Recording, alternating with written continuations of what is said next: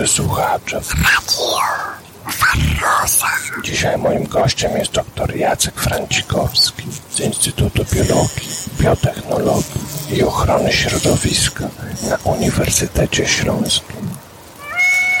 Jacek jest liderem zespołu fizjologii i etologii owadów. Zna zachowania się owadów od podszewki. Zapraszam do wysłuchania tej, moim zdaniem, arcyciekawej rozmowy.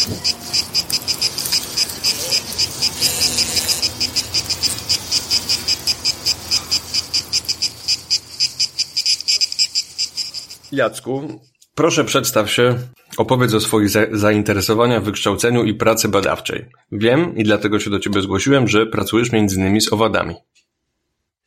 No, głównie z owadami. Jestem e, adiunktem e, w Instytucie Biologii, Biotechnologii i Ochrony Środowiska Uniwersytetu Śląskiego. Pracuję już na tej uczelni kawał czasu, już nawet ciężko mi policzyć, bo to i doktorat, i teraz jako, jako adiunkt właśnie na tym stanowisku obecnie pracuję, więc dobrych, dobrych chyba już 15 lat będzie, albo 12. Nigdy, nigdy nie wiem, to zawsze mi gdzieś tam umyka, bo się to miesza ze studiami, a potem z doktoratem. E, moim głównym obiektem zainteresowania są mimo wszystko świerszcze, bo to na nich jakby skupiam swoje, swoje zainteresowania e, i swoją pracę badawczą, ale oczywiście w ramach tych badań, które prowadzimy, tu przejawia, pojawia nam się, przewija nam się całkiem sporo różnych owadów. E, drugim takim powszechnym modelem jako grupą, bo jest ich kilka, to są chrząszcze, które też bardzo intensywnie badamy.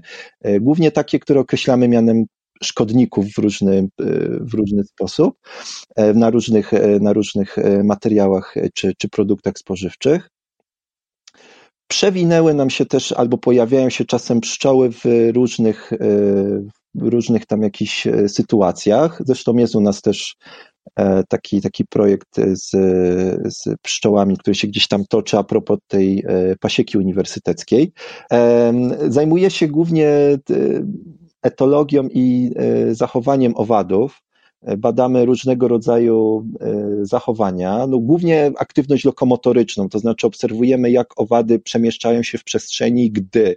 No i to gdy to są różnego rodzaju e, czynniki, które tutaj stosujemy, czy takie, które są powiedzmy sobie naturalne, czyli e, wiek, albo jakieś na przykład różne, różne stany fizjologiczne albo kiedy stosujemy jakieś czynniki no, zewnętrzne, jakoś w tą fizjologię ingerujemy. Jeden z takich większych projektów związany z moim doktoratem to było badanie kofeiny e, i wpływu kofeiny właśnie na aktywność lokomotoryczną.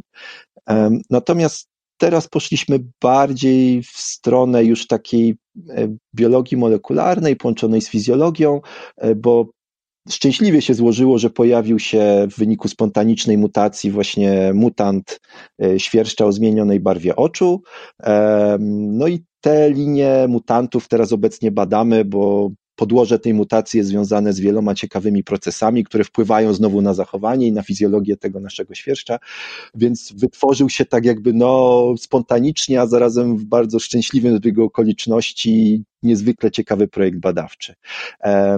A dodatkowo właśnie jeszcze łącząc to zachowanie, czyli tą aktywność lokomotoryczną, ale też jakby wyższe procesy poznawcze, e, jeden z takich projektów, który tutaj głównie kolega jest to zaangażowany, to jest właśnie e, pamięć, uczenie się i tak, zwana, e, tak zwane poznanie geometryczne, nazwijmy to tak bardzo, bardzo szeroko, w razie czego możemy to sobie tam e, rozwinąć, jeżeli byłbyś zainteresowany. Oczywiście. Więc, e, więc tych, tych jakby takich odnóg jest tutaj kilka.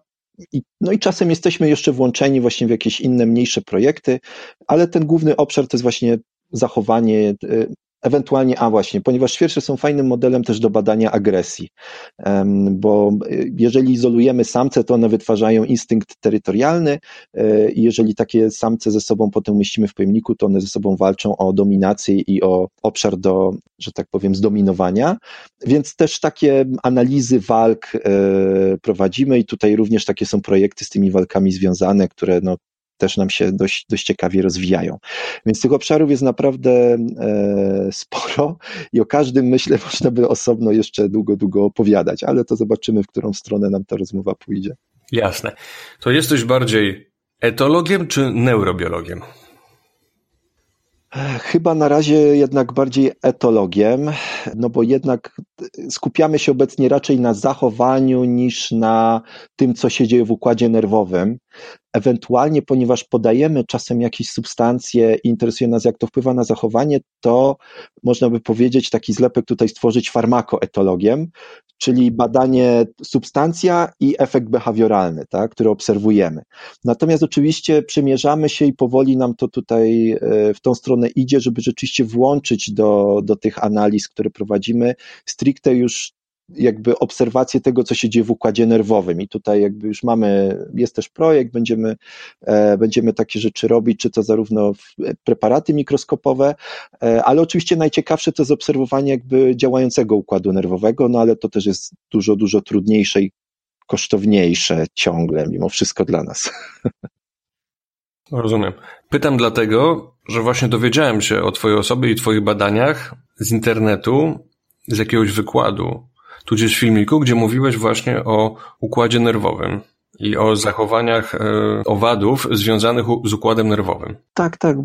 Chyba chodzi o wykład z, właściwie taki mini wywiad z Mateuszem Chocholem, który tam żeśmy kiedyś mieli w ramach jego takich właśnie filmików krótkich, które on tam nagrywa, gdzie żeśmy rozmawiali jakby o funkcjach poznawczych u owadów.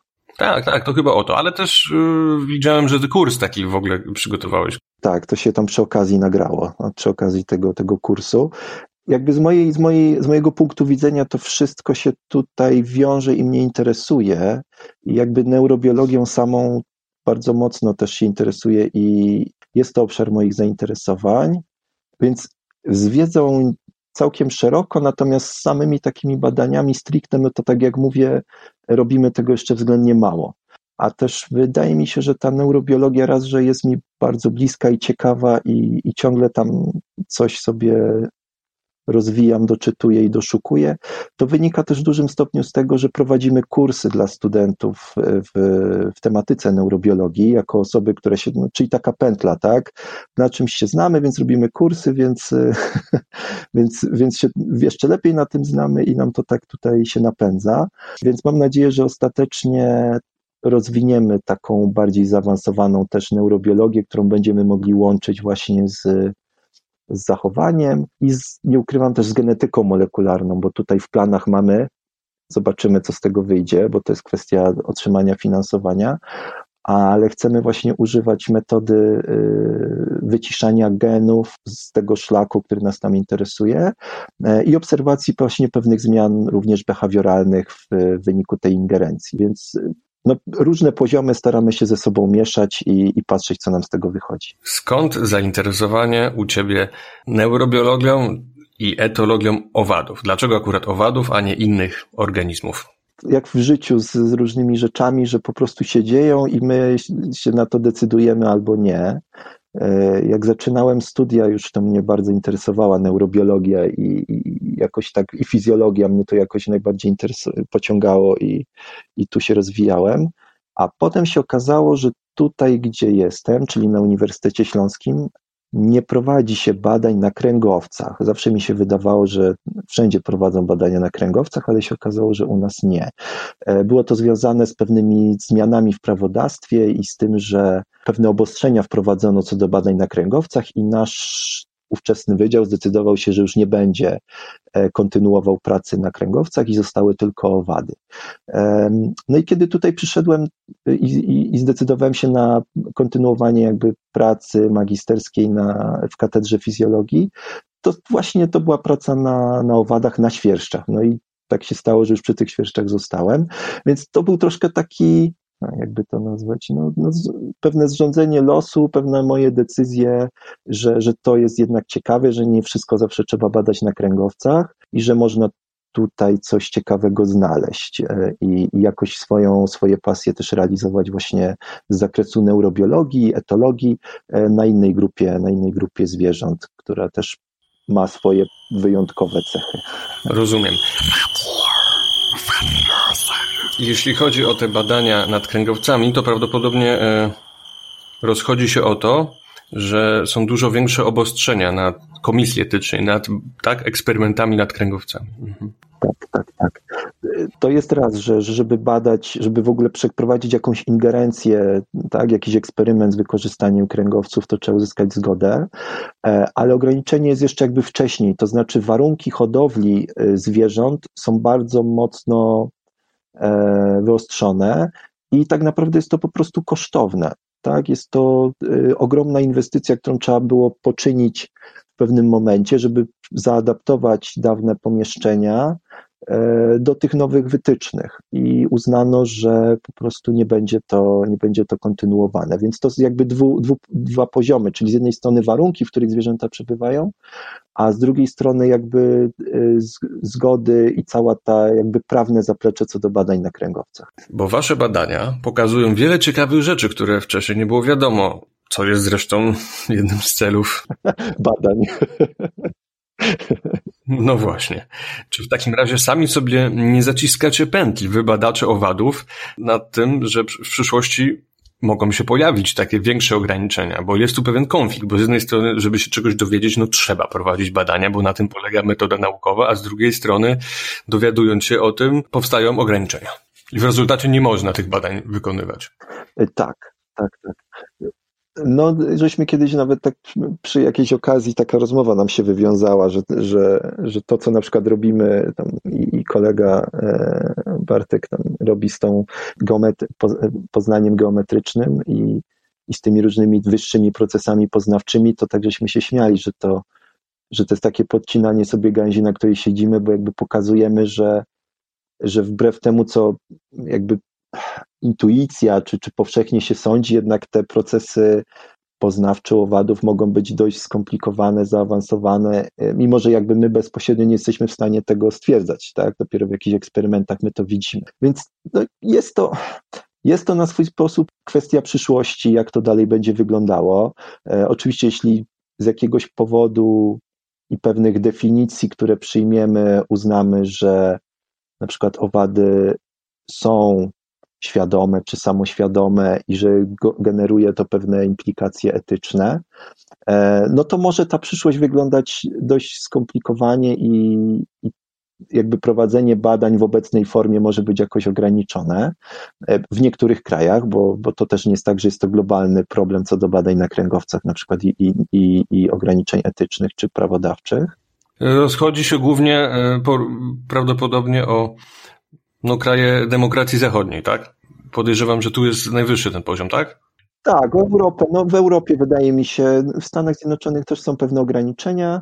E, nie, nie, nie umiem teraz powiedzieć dokładnie, porównać, które są jakby bardziej rygorystyczne, ale myślę, że Europa Myślę, że takim bardziej skrajnym porównaniem jesteśmy my i, i Azja Wschodnia, gdzie właściwie tam e, nie ma takich, tak, gdzie są prowadzone badania na komórkach na przykład macierzystych z embrionów, e, co u nas jest bardzo, bardzo mocno e, ograniczone i gdzie też badania na kręgowcach też są jakby prowadzone w większej skali, bo to prawodawstwo tam jest właściwie z tego co mi wiadomo. Jeżeli, jeżeli się mylę, to, to będę wdzięczny za korektę, ale z tego co wiem, to są, to są bardzo e, e, luźne i nie ma takich ograniczeń jak u nas. No, różne rewelacje odnośnie. Mm jakichś odkryć czy eksperymentów y, z inżynierii genetycznej, to właśnie z Chin często przychodzą. tak, tak, tak. Te dzieci, dzieci z CRISPR-em, na przykład, tak, tak? tak. Czy tam po procedurze. No właśnie, no to są, to są tak, to są tego typu przykłady. Myślę, że to jest taki bardzo skrajny, ale on jakby pokazuje skalę tego, jak tam wyglądają te badania, takie blis, blis, powiedzmy sobie bliskie nam, tak, w takim bardzo szerokim sensie tego znaczenia. Więc no, jakby nawiązując do Twojego pytania, myślę, że ono jakby wiąże się z takim ogólno filozoficznym albo właśnie biologicznym pytaniem. Po pierwsze, o definicję, no bo do tego może nawiążę, tak? Co to znaczy, że, że organizm jest świadomy, bo, bo do dzisiaj jest problem tam. Bardzo chętnie. Chciałem to pytanie zadać później. To jest abstrakcyjne pytanie, więc. To teraz czy później drążymy, czy, czy, czy... Proszę bardzo, teraz. Czy owady są świadome? Właśnie, no to musimy się zastanowić, co to w ogóle znaczy być świadomym, tak? Bo mamy problem do dzisiaj z tą definicją i tak naprawdę badanie świadomości jako takiej jest takim trochę zjadaniem swojego ogona, bo tak naprawdę nie wiemy, co badamy. Więc raczej nie badamy świadomości, tylko pewne procesy, które potrafimy dokładniej zdefiniować, a które uznajemy za związane ze świadomością. Tak? I, I tu e, albo mamy pewne testy, które uważamy, że wskazują, że organizm wykazuje jakieś, jakieś cechy świadomości, ale oczywiście pamiętajmy, że tu problem jest taki, że my postrzegamy tą świadomość bardzo po naszemu. To znaczy, że świadomy to jest dla nas organizm, który działa tak jak my. To myślę też jest trochę problem poza taką definicją obiektywną, globalną, biologicznie, to też myślę, że tutaj taki ten psychologizm nam też po prostu z punktu widzenia nawet naukowego bardzo utrudnia, bo, bo zaczynamy już dotykać procesów bezpośrednio związanych jakby z, ze sposobem funkcjonowania badacza e, czy obserwatora i to nam bardzo zaburza właśnie te takie bardzo bazowe definiowanie problemu. Wydaje mi się, że to z tego wynika. E, bo, bo to, że jakby organizm nie wykazuje cech, które my uważamy za świadome, znaczy na przykład nie komunikuje się z nami, albo e, nie ten test z kropką, tak, który na pewno nie rozpoznaje się w lustrze. Nie rozpoznaje się w lustrze i tak i nie zmazuje kropki, którą. Tak, no trudno się spodziewać, że pszczoła się rozpozna w lustrze, no prawda? I no. właśnie, no. i to jest, to jest taki bardzo ciekawy problem takiego na przykład jednego artykułu, gdzie, gdzie wykazano, że mrówki rozpoznają się w lustrze i zmazywały sobie kropkę. Mhm. No, no proszę. I tak, i tutaj e, jest to taki. Ten artykuł poszedł w takim bardzo, e, bardzo nieistotnym, że tak powiem, niepowszechnie znanym czasopiśmie i.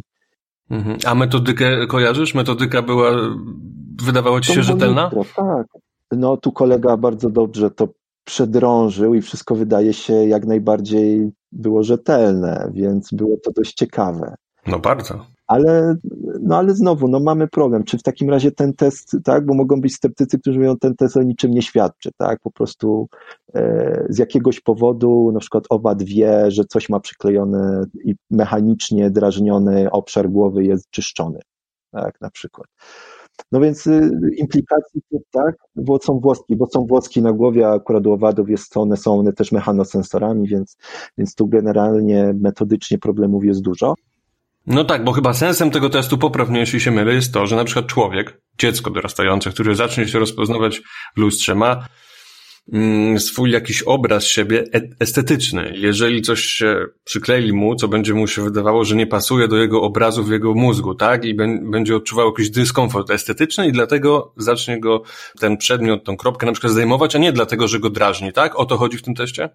Tak, tak, no właśnie w tą stronę idziemy, że jeżeli nam się namaluje kropkę na głowie czy na czole, to my o tym nie wiemy, tak? To znaczy nie ma żadnej informacji poza tylko lustrzanym odbiciem i świadomością, że w tym lustrze jestem ja, a więc ta kropka jest na moim czole, to, to tylko to nam pozwala jakby tak, czyli model nas w kontekście y, jakby rzeczywistości, tak, że, że, że, że ten obiekt, że ta zmiana dotyczy mnie. Jest tu dużo implikacji, ale generalnie są też badania i są nawet takie trendy. Widzę, że one, e, nawet jakiś taki raport Unii Europejskiej i takie jakby e, konkluzje co do tych badań, które obecnie posiadamy, że na swój sposób e, właśnie a propos pszczół tutaj, należałoby uznać, jeśli podsumujemy te informacje, które wiemy, skonkludujemy sobie to, że należałoby uznać generalnie owady, no bo skoro pszczoły, to i generalnie czemu nie inne owady, za układy w jakiś sposób świadome czy samoświadome, tak? Bo wiele eksperymentów wskazuje, że rzeczywiście postrzegają one siebie jako element pewnego, pewnego, pewnego układu, pewnego, pewnego środowiska. Bo tu jest jeszcze kolejna abstrakcyjna rozmowa pojęciowa, bo powiedziałeś właśnie świadome, a kolejną rozmową jest czym się różni świadomość od samoświadomości. To jest bardzo dobre pytanie.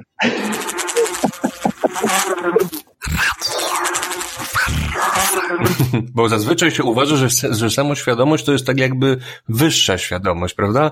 Coś takiego. Ja myślę, ja nie chciałbym w to wchodzić, bo nie jestem, nie jestem aż tak w, tutaj w, w temacie i w, w terminach i nie chciałbym palnąć czegoś głupiego. Myślę, że jeżeli kogoś to zainteresuje, to sobie to sobie doszuka, na ile, na ile w pewnych sytuacjach rozróżnia się te dwa słowa, na ile traktuje się jako tożsame i na ile ten podział jest użyteczny, na ile nie, więc nie chciałbym tutaj udawać mądrzejszego niż jestem, ale rzeczywiście no, pojawiają się tak, tego typu problemy, tak? Czy, można, czy, czy układ może być świadomy, nie będąc samoświadomym, tak? Czyli być w pewien sposób, mieć świadomość pewnej informacji, ale zarazem nie, nie postrzegać siebie jako pewien sposób funkcjonalnego, funkcjonalnej jednostki o pewnych planach, e, potrzebach i tak dalej, i tak dalej, tak? Więc, więc myślę, że tutaj kognitywiści mają co robić. Tak, trochę tutaj intuicja już musi też po prostu podpowiadać. Nie, nie, ale myślę, że ona nas absolutnie tutaj zawodzi w tym, w tym kontekście. Tak, tak, tak. Podpowiada nam, ale. No tak, no tak, tak. Tylko, że łatwiej jest rozmawiać o kotach, psach, małpach, czy nawet delfinach, niż o owadach oczywiście, prawda? O właśnie. Tak. Na przykład w kocie. Teraz możemy tego nawet nie zarejestrować. W kocie to mi się wydaje tak, ale oczywiście mogę się mylić.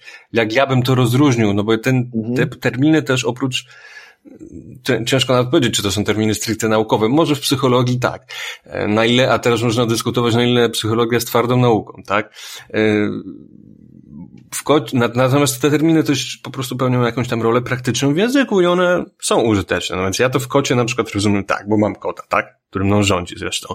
Więc świadomość to rozumiem tak, że na przykład no, wysterylizowałem kota, miała ranę po operacji, więc odczuwa świadomie ból.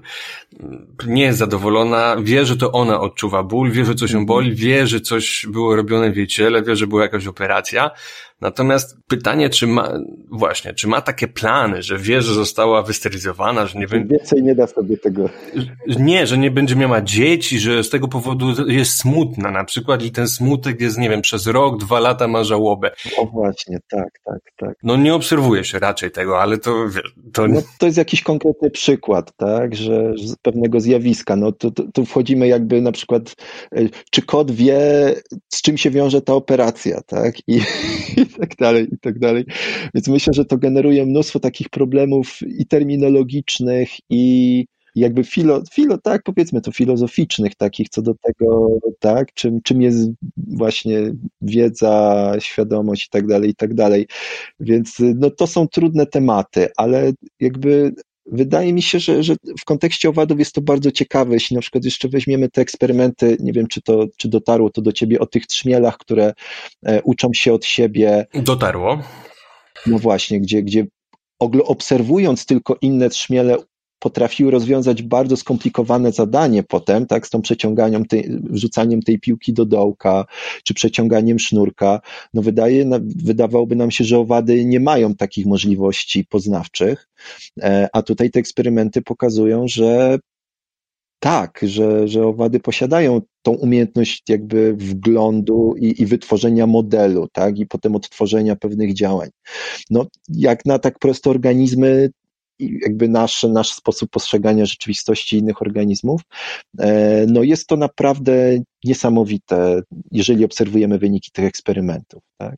E, nie wiem, nie wiem też, czy, czy kojarzysz takie, taki inny organizm, może już nie owady, ja, ja się bezpośrednio tym nie zajmuję, ale mnie to jednak osobiście fascynuje, pająki z grupy skakunowatych na przykład. No, z nazwy kojarzę, ale nie znam się na ich cyklu życia. Znaczy, tak, one, one są o tyle ciekawe, znaczy niektóre gatunki, bo oczywiście gatunków jest sporo, ale niektóre wykazują naprawdę ciekawe e, jakby umiejętności poznawcze, e, szczególnie te pająki z tej grupy, które polują na inne pająki, bo one są, generalnie pająki są drapieżnikami i polują na inne owady, na jakieś, na jakieś e, owady, które akurat e, im się tam trafiają muszki, czy, czy jakieś prostoskrzydłe, czy, czy, czy inne owady, które są w stanie spożyć. Natomiast jest też grupa, która poluje na pająki, no i tu naprawdę trzeba nieźle się natrudni, natrudzić, żeby no, złapać innego pająka, który tak ma ma ten aparat gębowy przeznaczony do, do, do, do łapania, przebijania pancerza i, i wstrzykiwania e, e, e, toksyn. No i one wykazują naprawdę niesamowite umiejętności do planowania, przewidywania, wytwarzania wręcz, jakby to powiedzieć, pułapek, tak? To znaczy, na przykład potrafią drażnić pajęczynę pająka, udając, że wpadła w nią ofiara i co ciekawe dostosowują e, to do różnego, różnych gatunków pająków, na które polują i do różnych, jakby symulują różne ofiary. Tak? I znowu można by powiedzieć, no, no dobrze, no to być może jest to instynkt, tak? być może jest to stricte wrodzone, ale badania pokazują, że one w jakiś sposób się tego uczą. No, bardzo ciekawe rzeczy tutaj, jeśli chodzi o te pająki, też można, jeżeli chodzi o bezkrewne globalnie, co to możliwe. Rozumiem. Nie działają tylko jak pralka automatyczna. A, no właśnie, no. Zaprogramowana. My też działamy jak pralka automatyczna w wielu aspektach i nikomu nikogo nie przeszkadza, prawda? Trochę tak, to prawda to jest pytanie, gdzie jesteśmy tą pralką, a gdzie nie jesteśmy tą pralką. Albo na ile możemy przestawić ten program w trakcie jego trwania. E, więc tu są dość ciekawe jakby implikacje tego, tak? Tylko kończąc tymi skakunami, to, że one potrafią jakby wytworzyć sobie mapę terenu, e, stracić na chwilę ofiarę z pola widzenia, wyobrazić ją sobie, w którym miejscu ona będzie widziała łowca, w którym nie będzie i podejść ją tak, żeby zajść ją od strony, której nie będzie widoczna. Więc jest trochę już badań na ten temat, no i niesamowite rzeczy te pająki jakby potrafią. E, jeśli pomyślimy o rozmiarach ich mózgów, no to jest to tym bardziej porażające, bo są one naprawdę czasem, no można powiedzieć tak, to nazwijmy to mikroskopijne, tak? Więc robi to tym bardziej wrażenie.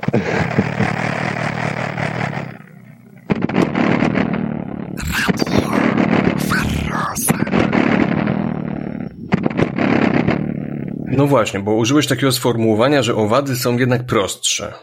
Dlaczego? No, w takim, ale to jest w takim trochę uproszczeniu myślowym prostsze, w sensie są mniejsze. No, przepraszam, jeszcze tylko doprecyzuję. Oczywiście nie chodziło mi, że, że, że nie chodziło mi o żadne tak, wartościowanie, ani nawet nie, że są mhm. bardziej prymitywne, tylko że są, mówię, prostsze jako mniej złożone. Jako, tak, jako można by tak sobie wyobrazić. Dopy, dopytuję, bo mam wątpliwość, czy na pewno można tak powiedzieć, że średnio owady są mniej złożone od e, średniego kręgowca. Tak, jeżeli posłużymy się liczbami, no to możemy użyć tak, jeżeli tą drogą chcemy iść, to możemy sobie powiedzieć, że nasze mózgi są złożone z miliardów komórek, a mózgi owadów są złożone z setek tysięcy komórek.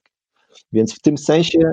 A nie powinniśmy to przykładać do masy ciała czasami? Oczywiście, możemy to przełożyć na masę ciała, jasne, ale myślę, że wręcz w drugą stronę działa to troszkę na niekorzyść, bo jeżeli pomyślimy, jakie możliwości mają owady przy tych małych mózgach, to wręcz właśnie robi nam się z tego więcej niż mniej, tak? To nie, nie, nie, nie, nie idę w tą stronę, że one przez to potrafią mniej. Ja właśnie chcę pokazać, że mimo tych małych, e, e, małych układów nerwowych te możliwości są niesamowite tak, tych, tych, tych zachowań, które one wykazują i całej, całej złożoności. I tutaj trzeba, no właśnie, uderzę do tego trochę, czy, czy nie trzeba tego przeliczać na masę ciała.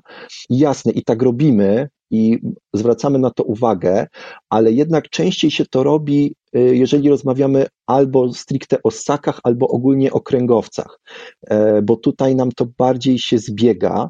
E, natomiast potem owady wpadają już w tak małą skalę, że to jest jakby trochę inny rząd wielkości i przechodzimy jakby do innego problemu, to znaczy po prostu tego, że jak mamy bardzo mało komórek, to liczba połączeń stricte fizycznie, tak? To jest tak jak z procesorami. Jeżeli ta liczba ścieżek jest mała, no to po prostu jest mała, tak? Nieważne jak będzie duży ten procesor, jak jest ich mało, to po prostu jest mało i, i te możliwości obliczeniowe są mniejsze.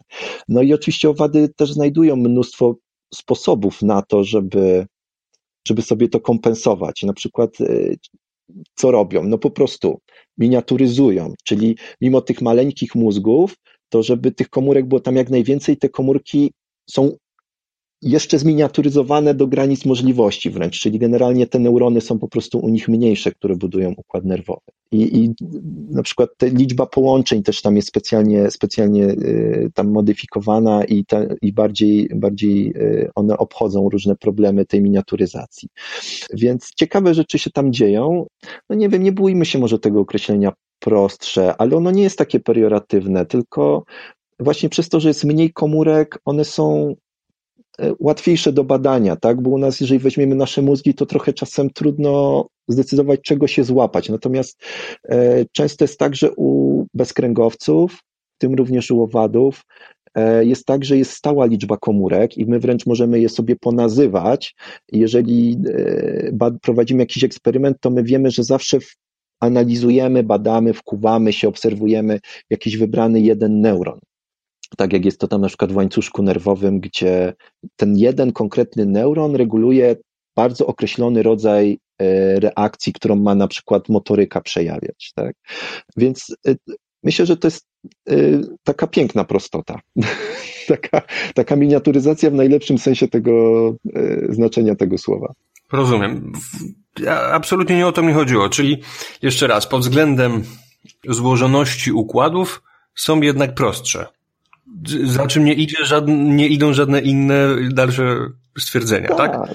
Z tym się możemy tak, zgodzić? Tak, tak. No, ja, to, ja to tak postrzegam, że, że po prostu jeżeli chcemy coś badać, no to te, te ich układy nerwowe składające się z mniejszej liczby komórek, nazwijmy je prostszymi, są, są po prostu łatwiejsze do badania, tak? I, i więcej. No. Tylko wiesz, Jacku, bo jeżeli się zatrzymujemy na jednym osobniku, bo jeżeli wchodzimy w wady A. społeczne, to zaczyna się troszeczkę A. problem, bo jeżeli rozmawiamy o superkolonii, mhm. która, e, gdzie są lokalne sojusze, która jest na przestrzeni kilkuset kilometrów, kilometrów no to jest złożoność ogromna, jeżeli cały ten układ chcemy badać w ogóle nie wiem, czy... Czy jesteśmy w stanie to zrobić? Bez supermaszyn z y, y, ze sztuczną inteligencją w ogóle jesteśmy w stanie to zbadać, tak? Nie, no oczywiście, ale to jest jakby efekt roju, tak? To znaczy wchodzimy, uzyskujemy nową wartość, która nie jest prostą sumą składników, tak? Więc jasne, wtedy jakby pojedynczy osobnik też jest elementem jakby przetwarzania informacji plus możliwości jego osobniczego układu nerwowego. Więc oczywiście tu są, tu się dzieją, no tak, no w rojach dzieją się bardzo ciekawe rzeczy i dlatego te roje nas tak interesują, że, że, że mają niesamowite możliwości jakby przetwarzania informacji dużo większe niż pojedynczy osobnik, który się na nie składa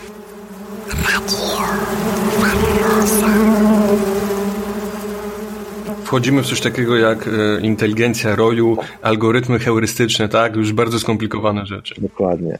Czy, czy twoim zdaniem można by powiedzieć co, tak metaforycznie, że istnieje coś takiego jak e, świadomość właśnie zbiorowa, świadomość roju, coś takiego.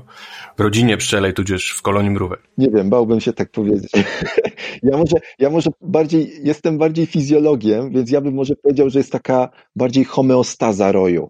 Może to jest lepsze słowo, bo, bo to jestem jednak, jesteśmy chyba bardziej w stanie zdefiniować, to znaczy rozwijamy, rozwijamy homeostazę? Możemy, możemy. A to oczywiście homeostaza pociąga za sobą konsekwencje to słowo.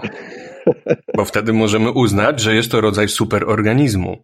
A o ile wiem, ta, ta hipoteza jest teraz mniej popularna jest, no jest kontrowersyjna, tak, tak, tak. Tak jak dobór grupowy jest, e, jest, jest niemile widziany. Tak, no, bo ona się stąd bierze właśnie. Tak, tak, tak, tak.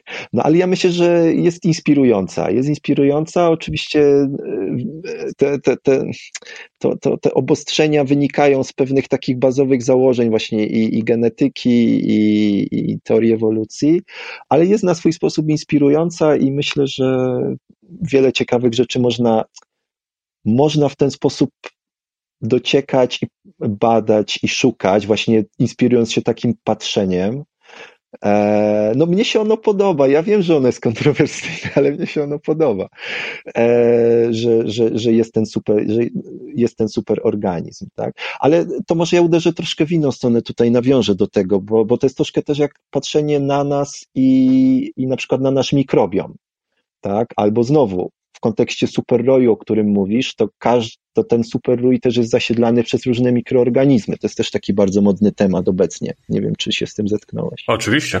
A, no, więc e, tu znowu powstaje nam nowa wartość, tak? Bo to nie są tylko te owady, tylko one są zasiedlane przez mnóstwo innych organizmów, które wiemy już dzisiaj, że potrafią wpływać na ich zachowanie.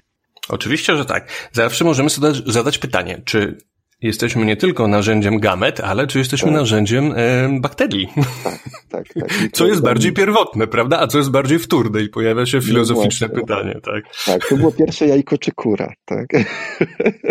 No ale to są, to są procesy tak ze sobą sprzężone właściwie od początków życia, bo jeżeli spojrzymy na same komórki, to przecież one są efektem symbiozy obecnie już mitochondriów i chloroplastów, które kiedyś prawdopodobnie były samodzielnymi jakimiś strukturami, a które zostały zasymilowane przez jakieś większe struktury. I już, już w samej naszej, w samej komórce mamy tą, tą, tą integralność, taką, taką złożoność na zasadzie sprzężeń i, i pętli i powiązań takich, gdzie tak, to jest jakby pytanie też natura czy kultura, które też jest w kontekście tej rozmowy, jakby tego przykładu takim e, pytaniem bez sensu, bo trudno jest to rozdzielić, tak, i, i znaleźć ten początek. Mm. Barroso. Nie kuś, żebym zadawał zaraz pytanie, czy, czy owady mają kulturę. społeczny. A ja znowu odpowiem, że to jest kwestia definicji, tak. No, no, no te trzmiele, no, jeżeli wrócimy do tych trzmieli, no to one mają jakąś swoją kulturę z tego wynika, tylko może niekoniecznie my jesteśmy w stanie ją tak podpatrywać z bliska, no i... Mhm. Jesteśmy, jesteśmy pewnie w stanie badać mechanizm czy zachowania, znaczy, czyli też mechanizm, które odpowiadają za jakiś pozagenetyczny przekaz, tak? Tak, tak no to jest kultura. Informacji. Ale czy to tworzy kulturę, to jeżeli, już jest pytanie filozoficzne. Jeżeli tak. zdefiniujemy tak? bardzo prosto, że przekaz pozagenetyczny informacji jest kulturą na poziomie właśnie behawioralnym, bo ja nie mówię o horyzontalnym przekazie genów, tylko właśnie tym, no ale dobra, to też pozagenetycznym, więc nie, nie, nie, nie mieszajmy. No to jak sobie taką prostą definicję zrobimy, która nie jest taka bardzo szczegółowa, żeby tylko ludzie do niej się kwalifikowali, no to tak, no nie wiem, znaczy nie wiem, nie wiem w czym to miałoby przeszkadzać, znaczy nie wiem czemu nie? No. Nie, mi też nie przeszkadza. Po prostu jeżeli tworzymy jakąś taką bardziej skomplikowaną definicję, no to siłą rzeczy łatwiej jest nam zrozumieć, jest na przykład szympansy, tak? Jest, są wskazówki i to jest w pełni zrozumiałe, że szympansy na przykład, które prowadzą wojnę tak, z sąsiednim plemieniem, uczą nienawiści do tego sąsiedniego, do członków tego plemienia swoich dzieci, tak? No u owadach nie jesteśmy w stanie z tego stwierdzić, nie? No, no ale wiemy, że owady też prowadzą wojny ze sobą. E, są te gatunki niewolnicze, tak, które tam napadają na gniazda, porywają poczwarki i, i te poczwarki, z, z tych poczwarek wykluwają się owady, które zachowują się tak, jakby mieszkały w swoim roju i robią to, co by robiły w swoim roju. Ale pytanie, no. Oczywiście, pszczoły też nie są słodkimi zwierzątkami, które nie kradną i nie napadają na inne słabsze osobniki. Tak, tak, dokładnie. E, ale pytanie, czy, e, e, czy, czy umrówek, które też żyją dość długo, bo, bo pszczoły są tutaj dość ciekawe, bo żyją tak dość, dość krótki mają ten żywot. To mrówki z tego co wiemy żyją nawet parę lat. No, rekordzistka, to wszystko, tylko że tutaj się pojawia problem eusocjalności. Rekordzistka królowa to jest do hutnicy pospolitej. Należy, z tego co pamiętam, 29 lat. W niewoli oczywiście. I nie mówię o królowych, tak? I nie mówię o królowych. Matka pszczela w niewoli ekstremalnie zdarza się do 7 lat. E, miodna oczywiście. No właśnie. Tak, ale, ale myślę raczej o robotnicach, jako tych głównych jakby składowych, tak, e, roju, które, które jakby się uczą, tak, dostosowują, e, uzyskują informacje od innych, obserwują. Tam muszą dziać się naprawdę niesamowite rzeczy, do których my nie mamy wglądu. Oczywiście istnieje obecnie coraz więcej takich metod, gdzie jakby znakowany jest każdy owad, tak, są nawet takie eksperymenty, gdzie się przykleja te mikrochipy RFID, albo na przykład takie mini QR-kody i po prostu kamera obserwuje każdą mrówkę z osobna i analizuje jej interakcje z każdą inną mrówką. No i tam się naprawdę ciekawe rzeczy wtedy wyłaniają z tego pozornego chaosu. No właśnie, to, to było kolejne pytanie, ale chyba się nie, nie, na nie nie zdecyduję. Czy to jest porządek, czy chaos, bo nam też może się wydawać coś porządkiem, a tak naprawdę jak zbadamy to matematycznie, to wychodzi, że jest dynamicznym chaosem, nie? No, no. No, też są te ciekawe badania na mrówkach, które pokazują, że tam też czasem są jakieś wewnętrzne frakcje, że są mrówki, które nie pracują wcale, tak, które się obijają w cudzysłowie, ale zarazem jakby ten efekt końcowy, który jakby rój tak? Czy, czy, czy, czy, czy ten program, który tam gdzieś jest y, y, schowany, no jest uzyskiwany, tak? To znaczy powstaje funkcjonalny, funkcjonalny y, jakaś, jakaś grupa, grupa organizmów, ona skutecznie funkcjonuje, daje, daje nowe pokolenia, więc tak, ale ja myślę, że to jest jakby natura takich systemów roz, rozproszonych, tak? Tam, gdzie jest wiele osobników, którzy się ze sobą komunikują. My wiemy ze swojego doświadczenia sami, jak chcemy 10 osób skoordynować, jakie to jest skomplikowane, jakie z tego problemy się wiążą, a przecież tak świetnie się ze sobą komunikujemy, prawda? I mamy taką skomplikowaną kulturę. Ja myślę, że te elementy chaosu, czyli właśnie w tym negatywnym, tu, tu, tu tak to zasygnalizuje sens, sensie, tak? Czyli mrówki, które nic nie robią, które jakby robią swoje, czasem robią w poprzek, y, są takim naturalnym elementem elementem skomplikowanych systemów i, i, to tak po prostu działa. Tak? Kwestia, jak sobie z tym systemy radzą. Jasne, i tu jest bardzo ciekawa kwestia, którą możemy poruszyć e, w związku z, ak z aktualną sytuacją pandemii, e, wirusem, stworzonkiem, żyjątkiem, jak to chce, e, SARS-CoV-2. Otóż Otóż, nie wiem, czy widziałeś takie badania, bo ja po prostu widziałem, nie, nie czytałem surowych badań, tylko filmik, ale wykład naukowy o zachowaniach kolonii mrówek mm, pod wpływem jakiegoś zakaźnego patogenu i innych zachowaniach, jeżeli ten patogen pojawia się w tej kolonii pierwszy raz, a inny, jeżeli pojawia się wtórnie. I nie padło tam to słowo, ale ja nazwałem to sobie mm, takim neologizmem e, behawioralna odporność swoista. Bardzo ciekawe to było i oglądając to... I co tam, i co tam się działo? Czym się, czym się to różniło? Bo to musiało... No właśnie stos mrówki okazało się, że stosują takie zabiegi jak izolacja, kwarantanna. No w ogóle mnie to nie dziwi. No. To mnie też. Ale to jest, ale zobacz, że jeżeli pojawia się po, podobny, ten sam patogen, no to już dużo szybciej sobie z tym radzą. No dobrze, to jest dokładnie podobne do historii człowieka. No tak. Można powiedzieć, też metaforycznie, że mają jakieś y, technologie zachowania radzenia sobie, prawda, z tymi nowymi patogenami. No, znaczy, no tak, no i tu jest znowu problem, bo można, można podejść do tego mechanistycznie, redukcjonistycznie, to znaczy powiedzieć, e, ewolucja ukształtowała zachowania, gdzie w wyniku bodźca A przejawiana jest reakcja B, tak? I, I nawet to, co mówisz, to znaczy uczenie się tak, tego, żeby radzić sobie z nowym patogenem, też może być, e, może być programem, tak? To znaczy jest pewna pula zachowań zaprogramowanych i, i ona jest dostosowywana do danego patogenu najlepiej, jak tam się to dało, no bo jeżeli, no prosto znowu ewolucjonistycznie. Jeżeli rój sobie nie dawał rady, wymierał. Jeżeli sobie dawał radę, stosował dobre zachowania, prawidłowo sobie dostosował się do nowej sytuacji, żył dalej, funkcjonował, dawał kolejne. Jasne. Tak? Pod warunkiem, że ten efekt y, dało się obserwować z jakąś konsekwencją przez ileś pokoleń, a ta cecha była dziedziczna w jakiś sposób. No właśnie, tak? no, no, no, mamy to. Ale, ale, można tak do tego podejść, tak? Czysto tak y, y, jakby ewoluc ewolucyjnie, to znaczy populacyjnie i jakby historycznie. To znaczy wiemy, że, że to jest efekt iluś tam pokoleń wstecz, które, że coś się działo i to się gdzieś tam poutrwalało, ale możemy też na to patrzeć tak jak e, rozmawia, rozmawiamy, to znaczy tu i teraz, tak? To znaczy pojawia się jakiś nowy patogen i rój ma jakieś mechanizmy bardzo ogólne, jakieś e, programy, ale dostosowuje je do konkretnego problemu, który się pojawia, tak? Tu i teraz, te owady w tej sytuacji, w czasie bardzo y, jednego pokolenia, tak? Y, które, które nam się tam pojawia, więc y, jakoś się, jakoś się uczy, jakoś się komunikuje. Tak? Aczkolwiek oczywiście nie wszystkim to wychodzi, bo w tym też wykładzie było wspomniane, że no, jak się pojawia nowy patogen, to w zależności od sposobów zachowania się danej kolonii i od y, jego zjadliwości, no nie wszystkim się koloniom oczywiście udawało go zwalczyć. No właśnie, no, no czyli, tak, czyli no to ewolucjonizm, takie populacyjne, ewolucyjne podejście. Tak. Mhm.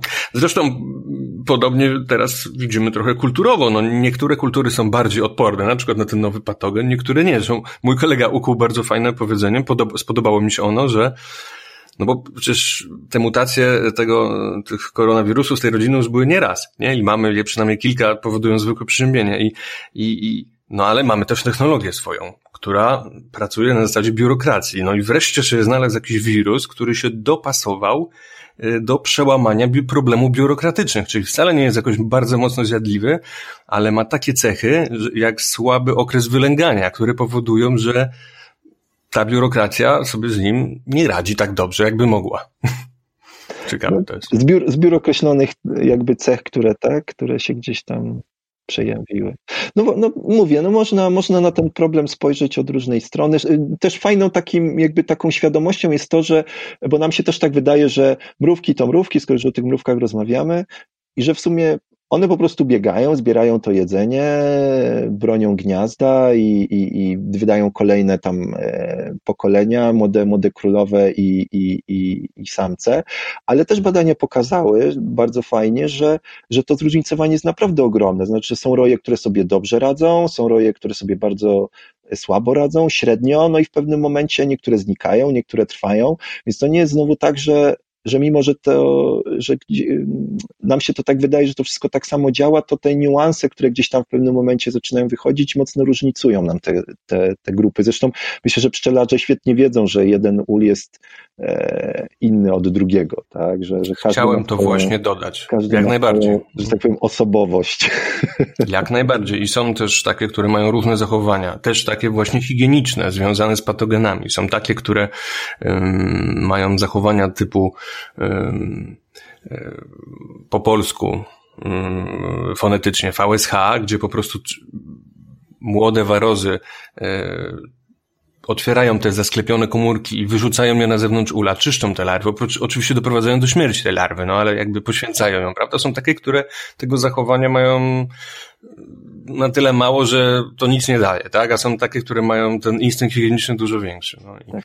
A nawet się, z tym, nawet się z tym ostatnio zetknąłem, bo, bo przygotowałem gdzieś zajęcia i jako taki case była właśnie ta historia o krzyżowaniu ze sobą tych różnych jakby linii pszczół, właśnie w kontekście tego, tej walki z warozą, e, że, że to ma różną też jakąś tam e, natężenie tej cechy e, również tutaj się obserwuje. Dobra.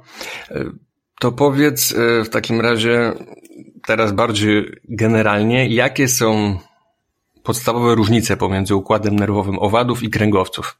No i z, tak, z jednej strony te różnice są, jak tak sobie obserwujemy, ogromne. E, ale z drugiej strony, jeśli sobie pomyślimy o tym, że pewne funkcje, pewne cechy są jakby generalne dla wszystkich, no nazwijmy to sobie zwierząt, no to zarazem jest tu wiele wspólnych elementów, od których jakby nie da się uciec, tak? Ale rzeczywiście y, myślę, że to, na co trzeba zwrócić uwagę, to jest ta, y, silniejsza mimo wszystko centralizacja układu nerwowego u nas, to znaczy bardzo dużo zależy od mózgowia. On w bardzo dużym, jeśli chodzi o kręgowca, on w bardzo dużym stopniu reguluje te procesy działające niżej. Natomiast y, wiemy, że u owadów bardzo dużo funkcji ma jednak łańcuszek nerwowy, czyli ta część układu nerwowego, która biegnie po brzusznej stronie e, owada, która no, powiedzmy sobie jest taką analogią naszego rdzenia kręgowego. E, ale tam jest bardzo wiele rzeczy się dzieje na tym poziomie. To znaczy, nawet jeżeli odetniemy głowę owada, to wiemy, że on jest w dużym stopniu ciągle funkcjonalny e, i jest w stanie dość długo przeżyć. Czy to prawda? Bo słyszałem taką historię, że ka samica karalucha potrafi miesiąc przeżyć z oderwaną głową. Czy to mit? E, tak, tak, tak. No, szczególnie jeśli jeszcze zasklepimy jakimś woskiem czy, czy czymś takim, żeby, żeby woda po prostu nie uciekała z, z, tej rany, to tak, ona będzie sobie bardzo długo funkcjonowała jeszcze, no bo bardzo, właściwie większość funkcji jest zlokalizowanych w łańcuszku nerwowym. I dopóki jakby ona nie zużyje swoich zapasów energetycznych, no to tak naprawdę wszystko tam działa. Taka, taka ogromne, ogromne uproszczenie. Tak naprawdę ta część głowowa e, ma w dużym stopniu takie działanie modulujące albo hamujące pewne rzeczy, które w łańcuszku nerwowym by się, które się mogłyby zadziać, gdyby na przykład tego, tego oddziaływania tej głowy, czy tej informacji z głowy nie było, tak? E, więc jest to no, tutaj taka, taka różnica. Oczywiście sama budowa e, tutaj tej części układu nerwowego, która jest skupiona w głowie, jest jednak no, różna, no bo jednak ten czas ewolucyjny był bardzo długi, e, my żeśmy się dość bardzo dawno jako ta linia e, rozeszli i tu to zróżnicowanie jest, jeśli chodzi o to, jak, jak rozwija się mózg kręgowca i jak, jak on ostatecznie przyjmuje kształt, a jak wygląda, e, nazwijmy to, mózg owada.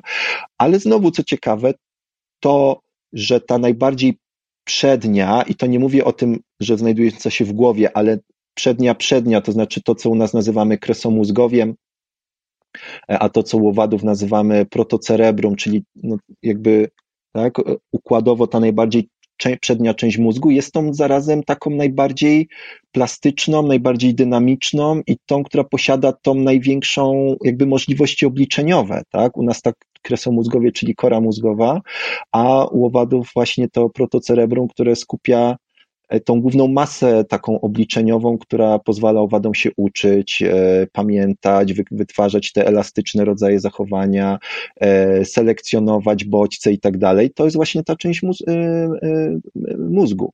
Więc tu znowu ta jakby podobieństwa ładnie się tutaj pokazują, że pewne siły ewolucyjne nawet bardzo pozornie różnym układom nadają te same cechy, tak? E, więc e, te różnice często są bardziej e, na poziomie neurochemii, tak? Mamy trochę inne układy neurochemiczne, bo na przykład oktopamina, tyramina. Inne są substancje, inne są substancje psychoaktywne, tak? Podejrzewam, że dana substancja może inaczej działać na. Ale na... tu znowu, no układ. właśnie, ale tu znowu jest więcej podobieństw niż różnic, moim zdaniem. Moim zdaniem. Okay. Bo to, prawda, są dwa neurotransmitery, których u nas nie ma, które są takim odpowiednikiem naszej adrenaliny, noradrenaliny, czyli aktopamina, tyramina, w ogromnym uproszczeniu ponownie. Natomiast pozostałe neurotransmitery y, są takie same, tak? Serotonina, dopamina, acetylocholina, glutaminian, GABA. To jest wszystko takie samo. I co ciekawe, wiele funkcjonalnie, bo nie neuroanatomicznie, ale funkcjonalnie układów, tak? To, co nazywamy na przykład układem nagrody, tak? Albo te systemy służące uczeniu się, e, funkcjonują na tych samych neurotransmiterach.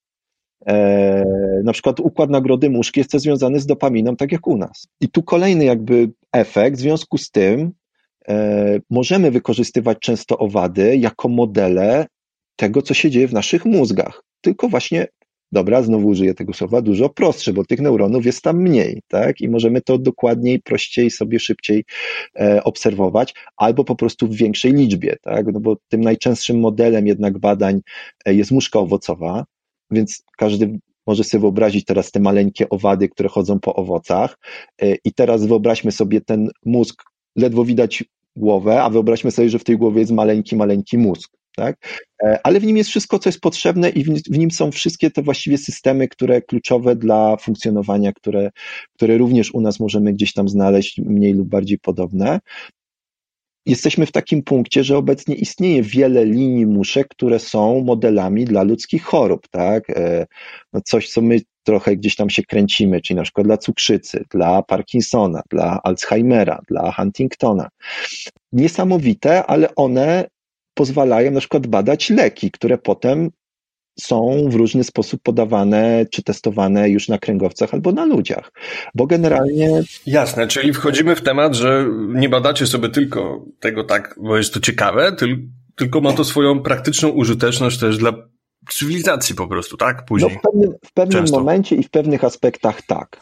E, w, znaczy, Problem polega na tym z, z, nauką, bo zawsze się, to jest takie pytanie, e, ale po co wy to robicie? To jest takie standardowe, w sensie, co ja z tego mam, tak? Jakby to jest taka konkluzja, która, e, która, która wynika z tego pytania. Ale często jednak te, bardzo często te badania są badaniami podstawowymi, to znaczy chcemy wiedzieć, chcemy rozumieć e, z jednej strony, a z drugiej strony historia nauki pokazuje, że nigdy nie wiadomo, dokąd nas doprowadzi ta historia, tak? Znaczy, często jakieś absolutnie e, abstrakcyjne, pozornie nieużyteczne, głupkowate badania e, dawały często niesamowite, e, niesamowite jakby konsekwencje dla, dla, dla techniki i dla, dla cywilizacji. Tak?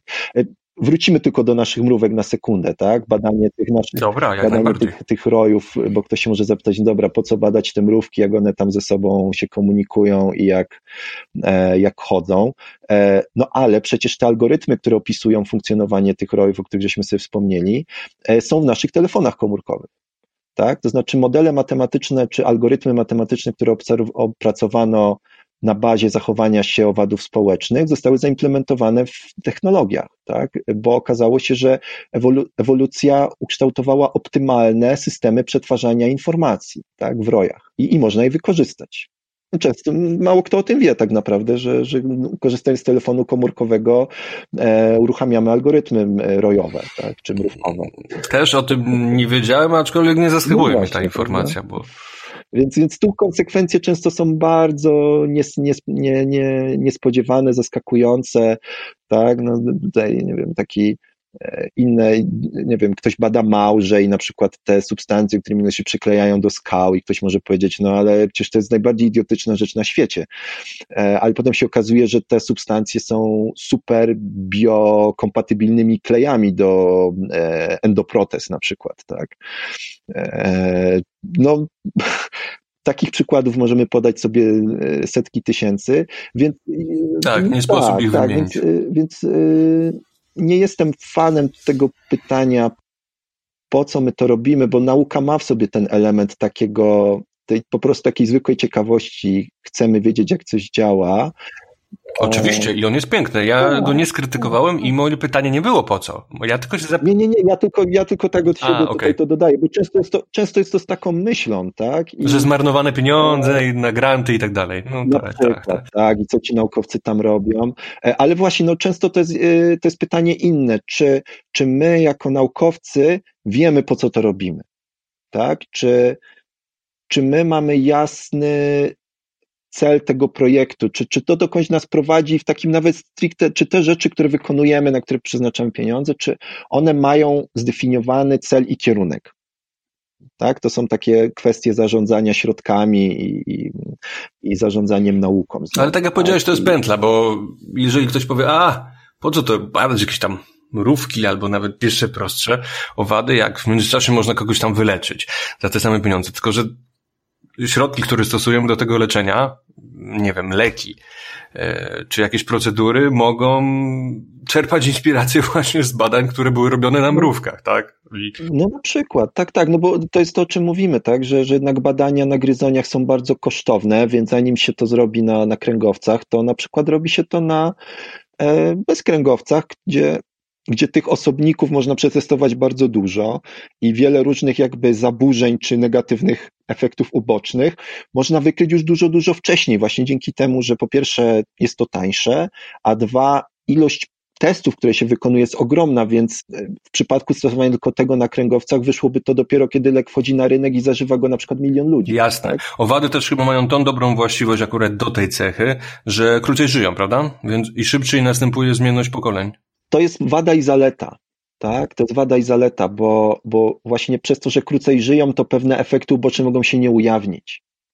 Tak, jeżeli owad żyje za krótko, to pewne rzeczy, które na przykład u długo żyjącego organizmu przy chronicznym stosowaniu się ujawnią, a u owada, który żyje na przykład te parę dni, e, chociaż muszka owocowa też wbrew pozorom nie żyje wcale tak krótko, jak mogłoby się wydawać. Więc, więc dobrze trzeba też dobierać model do tego, co, co chcemy zrobić. Mhm. Jasne. No dobrze, podsumowując to pytanie odnośnie różnic, czyli jest więcej podobieństw niż różnic, ale jak można by coś wskazać takiego generalnego, to średnio układ nerwowy owada jest mniej, jest mniej scentralizowany niż kręgowca, tak? Tak, ja bym to, tak, tak można to powiedzieć. No i jest taki, ma taką bardziej, no nie, to też nie, bo staram się jeszcze coś takiego znaleźć, żeby to było takie względnie proste i, no bo chciałbym powiedzieć, że jest taki bardziej liniowy, ale to też jest troszkę takie, mm, na, na, na, na siłę troszkę doszukiwanie się, bo, bo u nas też jest ogromna liniowość tego układu nerwowego, tylko w pewnym momencie pewne struktury nachodzą na inne, ale jak weźmiemy inne organizmy, to tą liniowość ładnie. Ale wewnątrz oczywiście owadów jest tak duże zróżnicowanie, zresztą dużo większe niż u, niż u kręgowców. Przecież jako tak. kręgowcy to, tak, tak, tak, jeśli, tak. jeśli, chodzi o, o ilość gatunków, to jesteśmy jakimś tam odpryskiem przecież owadów, prawda? I, i zróżnicowanie.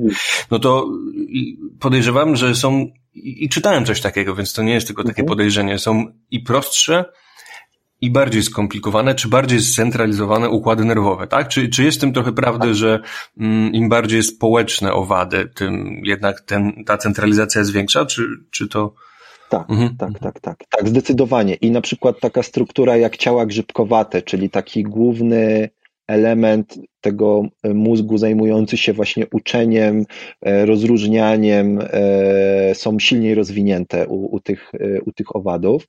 No jeżeli ktoś, ktoś chce, to, to, to polecam sobie poczytać, taka bardzo ciekawa struktura, no po prostu, która przyjmuje informacje z powiedzmy sobie z sensorów, przetwarza ją i daje na, daje na obwód, czyli reguluje pewne zachowanie, co przy tym układzie z bodźców owad powinien zrobić, tak? Taki najprostszy przykład to jest u muszki owocowej, czyli jeżeli zapach A, to prawdopodobnie jest to pokarm, powinienem do niego polecieć i, i, i, i go pobierać, a jeżeli zapach B, to prawdopodobnie coś nieprzyjemnego, groźnego, powinienem go unikać, lecę w drugą stronę. Tak? E, no i może być jeszcze zapach C, czyli na przykład przedstawiciel przeciwnej płci. Może też tak być. E, więc te ciała grzybkowate no, są bardzo mocno zróżnicowane u, e, u owadów i to zarówno wewnątrz grup, czyli na przykład wewnątrz czy to chrząszcz, czy, błonkoskrzydłych, zależnie od ekologii owadów i tego, w jakim, jakim jakby z jaką bogactwem bodźców owad się, e, owad się styka, jaka jest jego biologia, jaka jest jego ekologia, ale też bardzo dobrze widać jakby w rozciągłości tej ewolucyjnej, to znaczy im starszy rząd, tym też one mają taką bardziej prymitywną e, naturę, są mniej skomplikowane w stosunku do tych bardziej zaawansowanych ewolucyjnie e, grup. Tak? Więc tu y, jest to bardzo, ten, rzeczywiście te mózgi są bardzo zróżnicowane, te akcenty są różnie porozkładane, zależnie od tego, jakie e, potrzeby ma E, układ nerwowy, co on tam, czym on powinien, na czym powinien się skupiać, co jest dla niego ważne. E, no i ten łańcuszek nerwowy też się różnicuje, bo, bo też tam się te zwoje zlewają, kumulują, e, żeby jakby się centralizować na poziomie już ciała, co ciekawe. Też tam, też tam takie rzeczy się dzieją i, i też u tych, na przykład u much, tych zwojów takich, które można łatwo rozróżnić jest mniej. Czyli tam też taka centralizacja na tym poziomie łańcuszka nerwowego następuje. Właśnie, muchy, bo wszyscy pszczoły, powiedzmy sobie, muchy też są fajne, tak? No fajne są, fajne, tylko latają, e, co, co utrudnia badanie. Ale pszczoły też akurat. No pszczoły też, ale to y, pszczoły się trochę inaczej bada, więc, e, a muszki to jest taki specyficzny... A, bo mówisz o e, muszkach owocowych. Myślałem, że teraz no, napomknąłeś o tych takich muchach, wiesz... Domowych na no tak. przykład. Tak. No. no nie, bo muchy domowe też się bada, ale rzadko, ale muszka owocowa jest taki najpopularniejszy i to przez to, że one są maleńkie i latają. Oczywiście są takie linie na przykład bez skrzydeł, żeby nie latały, ale generalnie jak ktoś nieopatrznie otworzy pojemnik i się zagapi i... Mogę ci powiedzieć, co zrobić, żeby, żebyś miał pszczołę nielatającą. Zaraź ją dużą ilością wirusem, wirusa zdeformowanych skrzydeł.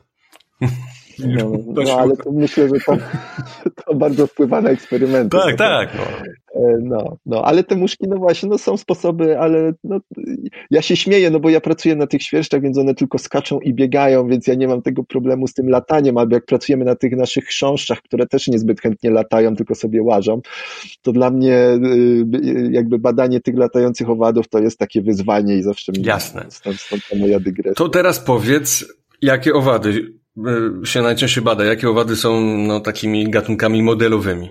I jakie ty badasz z kolei? Jakie badałeś? I ostatnie pytanie, czy badałeś pszczoły? Okej. Okay.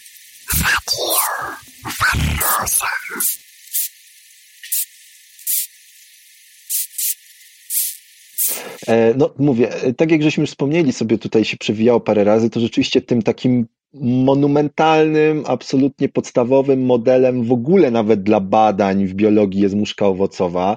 E, Coś jak drożdże pewnie, tak? Tak, obok drożdży i obok nicienia Cenorhabditis elegans to jest taki, i obok myszy i szczurów to jest taki, to jest taka wielka, e, wielka czwórka, tak, powiedzmy sobie. E, tych, tych modeli, na których, się, na których się prowadzi badania. One są najlepiej poznane genetycznie, molekularnie i na wszystkie inne sposoby.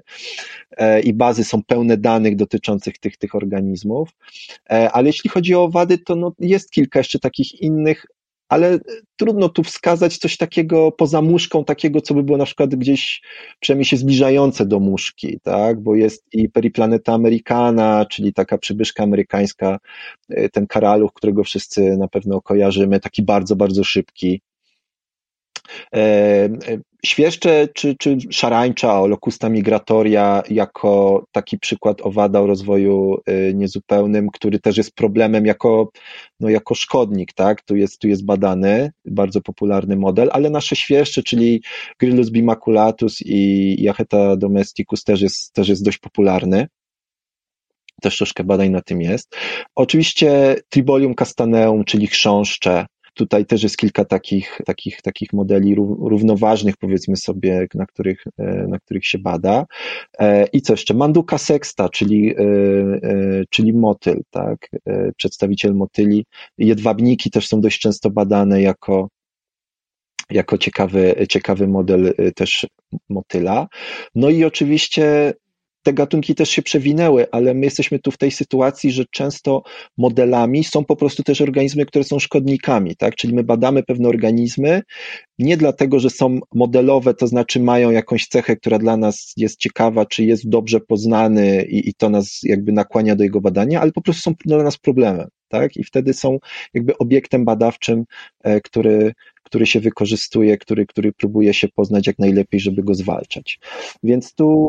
Ale jest tutaj też chyba jakiś aspekt, y, mam też informację od innego naukowca, mm, trochę etyczny, że łatwiej nam po prostu badać szkodniki niż zwierzęta, które uważamy, że są jakoś bardziej szlachetne. No może komuś to pomaga w jakiś sposób. Aha, nie, nie, nie obserwujesz tego, tak? Dementujesz. Nie, nie, nie, przepraszam, ale nie mam w ogóle, absolutnie nie mam takiego wrażenia. Ale mówię, to może być takie, no i oczywiście pszczoły też jako, no te, które chcemy jak najlepiej poznać, bo są przez nas wykorzystywane, a zarazem jako taki model owada społecznego. Tylko, że jeszcze raz, y, musimy, zróbmy takie rozróżnienie na całą naszą audycję. Y, pszczół jest bardzo dużo, w Polsce jest ponad 400. Tak, oczywiście, pszczoła, pszczoła miodna, tak, tak, tak, apis mellifera, oczywiście. tak, tak mówimy o pszczole miodnej. A to jeszcze w tym kontekście poprzedniego pytania, ciekawe, czy można podejrzewać teraz, znaczy pewnie można podejrzewać, czy to by się sprawdziło, to podejrzenie, może wiesz, czy pszczoła miodna rzeczywiście ma ewolucyjnie e, jako owad no, jeden z najbardziej społecznych pod względem e, należący do tego kladu Apiformes ma właśnie bardziej scentralizowany scentralizowane zwoje mózgowe niż pszczoła samotnica, taka, która w ogóle nie jest społeczna typu pszczolinka, murarka. To ja, tak, to ja tak rzucę na ślepo trochę, ale tak, będzie tam, będą tam różnice w, w tej centralizacji, albo właśnie w tych ciałach grzybkowatych, albo w pewnych obszarach mózgu. No, życie, życie społeczne narzuca pewne wymogi i, i one będą się odbijały właśnie w tym, jak układ nerwowy -huh, jest mhm, zbudowany. Jasne.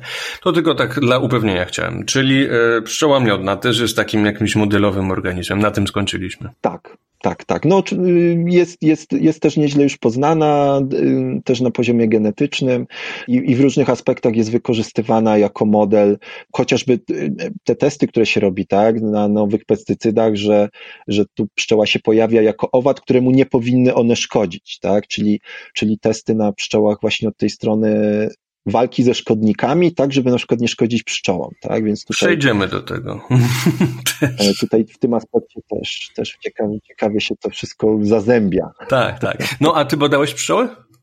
Trochę badałem, ale tak na zasadzie e, miałem materiał, który był pomrożony i tam żeśmy troszkę testowali ale żywe pszczoły? Nie, pomrożone, pomrożone, pomrożone na amen. A, żywych nie testowałeś, bo rozumiem, bo ciekawiło mnie, jakie to jest, y, jaka jest metodologia tego, że po prostu dostajecie jakie pszczoły, na przykład krainki, czy, czy kaukaski od jakiegoś, czy jakieś są linie specjalne od jakiegoś pszczelarza bierzecie, czy one są specjalnie namnażane, to mnie ciekawiło po prostu, czy, czy są jakieś ule, czy, czy macie w klateczce? Tak, zwykle, no, zwykle jeśli jest materiał, to jest na przykład współpraca tak jak tu, tu było parę takich projektów magistranci robili, że po prostu było, było dogadane gdzieś tam z pszczelarzami naszymi, że oni tam udostępniali swoje ule i, i pszczoły były, e, były udostępniane.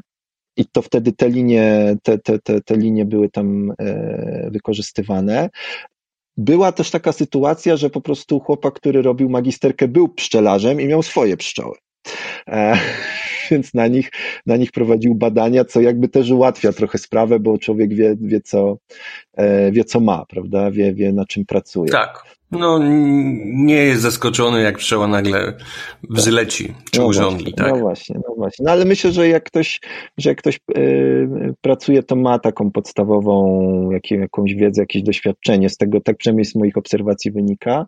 Albo jeśli już, no to jakoś tam jest y, przygotowywany, więc to, to, to, to, to, to, to nie jest tak, że właśnie ktoś dostaje pudełko z pszczołami, otwiera, one wylatują i, i, i praca się kończy w tym momencie jest jeszcze to tak tylko w ramach tego, tej, tej pracy na pszczołach, ale to jako, jako takiej, takiej też dygresji, koleżanka, która, która pracuje w Krakowie na Uniwersytecie Jagiellońskim, też właśnie swoje badania prowadzi na pszczołach, więc jeśli byłbyś zainteresowany, to też mogę dać namiar. Myślę, że ona mogłaby opowiedzieć o swoich badaniach. No, oni mają swoją pasiekę eksperymentalną, e, więc oni mają swoje pszczoły i oni prowadzą też różnego rodzaju badania tam właśnie nad, e, nad robotnicami w kontekście tam e, gamet, wytwarzania gamet zależnie od różnych warunków i tak dalej, i tak dalej. Więc myślę, że ciekawe rzeczy mogłaby opowiedzieć. No właśnie, bo też teraz mi przyszło coś do głowy, nawiążę do pewnego tematu, bo przecież rodzina pszczela, taka pszczoły miodnej, czyli złożonego nawet w sezonie z 80 tysięcy osobników, to już jest dość złożony układ, tak? Mhm. I co innego są badania nad pojedynczymi osobnikami w klateczce, a co innego są badania nad całym układem. Może się okazać, że to, co szkodziło mm, w klateczce jakimś pszczołom podawane regularnie, będzie miało nieistotny wpływ na całą rodzinę pszczelą, a tym bardziej y, nieistotny no, w, w normalnym środowisku naturalnym czy przekształconym przez człowieka w porównaniu do ścisłego, gdzie są jakieś niezmienne warunki laboratoryjne, tak? Czyli do, i, i, I teraz zastanawiam się mm, nad ilością rodzin pszczelich w odpowiednich grupach, gdzie są znane jakieś fałszujące wynik zmienne, ile ich musi być, żeby naprawdę wynik był taki istotny statystycznie, bo często spotykam się z badaniami jednymi, z który, y, znaczy jakimiś jednostkowymi, z których pszczelarze mhm, mhm. no, często linkują sobie w internecie i wyciągają jednoznaczne wnioski, co jakby też nie jest zgodne z metodą naukową, ale często te badania są na przykład na dwóch grupach rodzin pszczelich po pięć pni, czyli pięć rodzin pszczelich. Jak myślisz, od kiedy to w ogóle się zaczyna? Bo sami sobie powiedzieliśmy, że przed chwilą, że rodziny są różne, mają swoje różne charaktery, więc pytanie, czy, tak. czy grupa pięciu rodzin pszczelich tak skomplikowanych układów jest istotna statystycznie, Twoim zdaniem. No to już jest nieźle. Pięć to już jest nieźle, bo, bo tak naprawdę do, do to jest taka magiczna liczba, tak, żeby jakoś średnią wyciągać i żeby jakiś mieć rozrzut wyników wokół średniej, ale no już grupa pięciu, sześciu pomiarów niezależnych, czyli w tym wypadku niezależnych rodzin, to już jest coś, co może nam coś powiedzieć, tak? To już jest coś, co wygląda nieźle.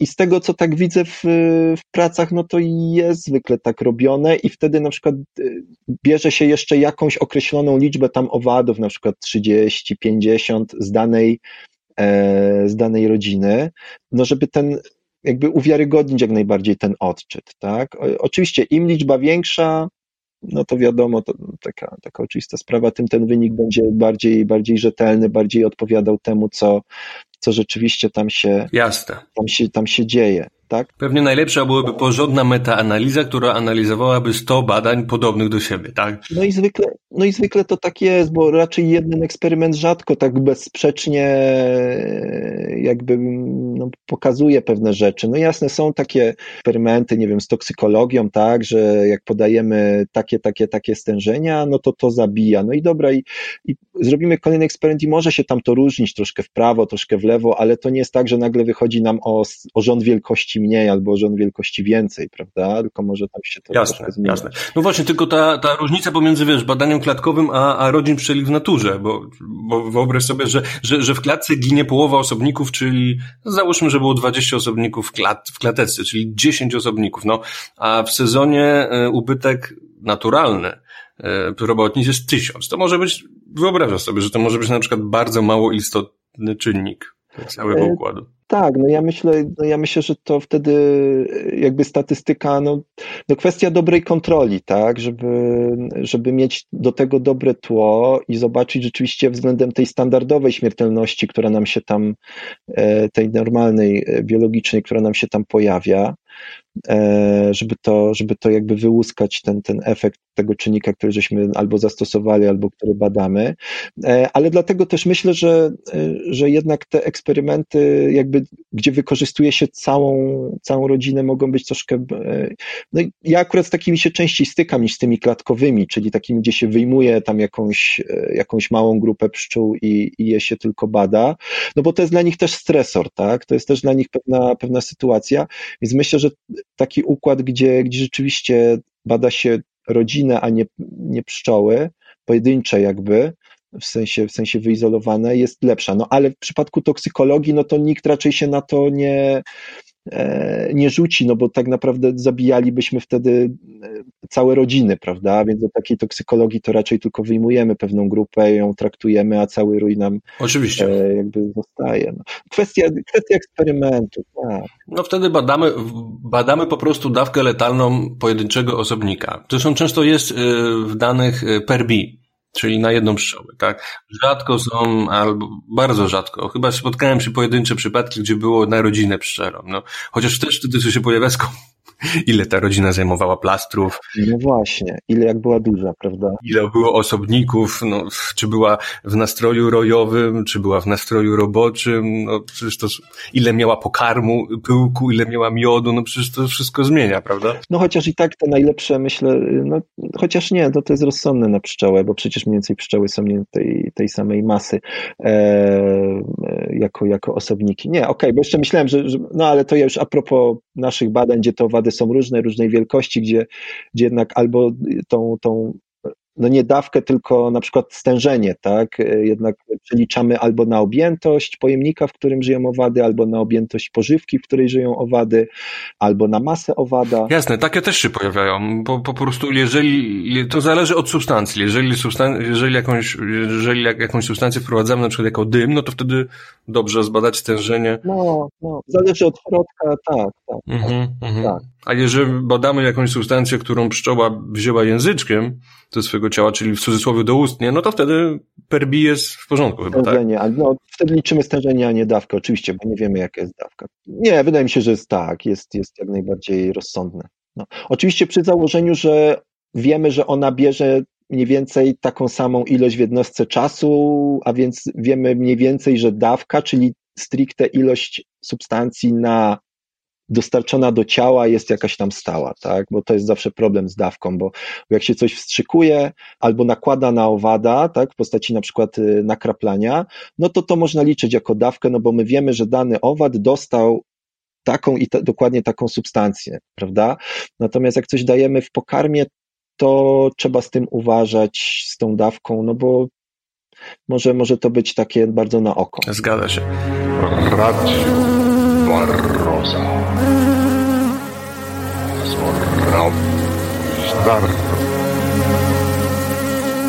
Słuchaj, Jacku, rozmawiając sobie z tobą, jednocześnie popijam sobie wywar ciśnieniowy z kawy. Mhm spalonych ziarenkawy i podjadam sobie e, czekoladę 90%. Powiedz mi e, pod względem e, farmakoetologicznym, co ja właśnie robię? Stymulujesz się sensorycznie głównie. Robię sobie dobrze generalnie, tak? Rytualnie, rytu, rytuały, rytuały. Ale farmakologicznie też robię sobie dobrze, tak? No. Tak, no ten, chociaż są, są e, z tą kofeiną, to są naprawdę yy, przeciekawe historie, bo mimo, że jest to jeden z, teraz polecę takim frazesem, e, najstarszy, jeden z najstarszych stosowanych e, neuroaktywnych związków, to tak naprawdę ciągle mało wiemy na temat tego, jak i czy w ogóle on działa, tak, i, i, i tu jest trochę z tym problemów, ale no, wiemy, że, wiemy, że, jest, że jest działanie, i, i, i, ale no, badania są dość, dość niejednoznaczne często. No, a ciekawa, ciekawa substancja. Ciekawa, ciekawa. Tak, tak. No, nieprzypadkowo zadałem to pytanie, bo teraz przechodzę do, do właściwego pytania i do też badań, które ty wiem, że robiłeś. Mm, teraz zadaję tytuł, który gdybym był zwolennikiem dużego clickbaitu, to by się pojawił prawdopodobnie jako tytuł w całej naszej audycji i wtedy miałbym... Już się boję. No. Czy owady mają swoje narkotyki? A, okej. Okay. E, no, jest trochę badań na ten temat, takich dość ciekawych, właśnie z kofeiną, bo okazało się, że kofeinę znajdujemy też w nektarze niektórych cytrusów. To mnie bardzo zaskoczyło, jak jeszcze pracowałem właśnie na kofeinie.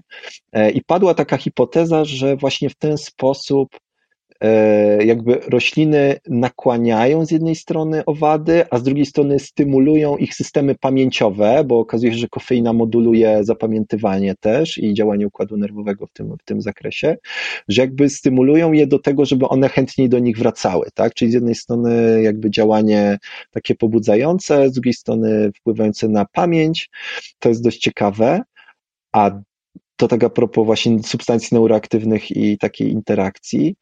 A jeszcze gdzieś mi mignął taki artykuł właśnie, że owady, te zapylacze, nie chcę teraz czegoś tutaj pomieszać, bo to dość dawno znalazłem i tak mi mignęło, ale właśnie wybierały, wybierały rośliny o niskich stężeniach pestycydów. Co wskazywało... Tak, to, to, to ja kojarzę. Chodziło o nikotynę na przykład.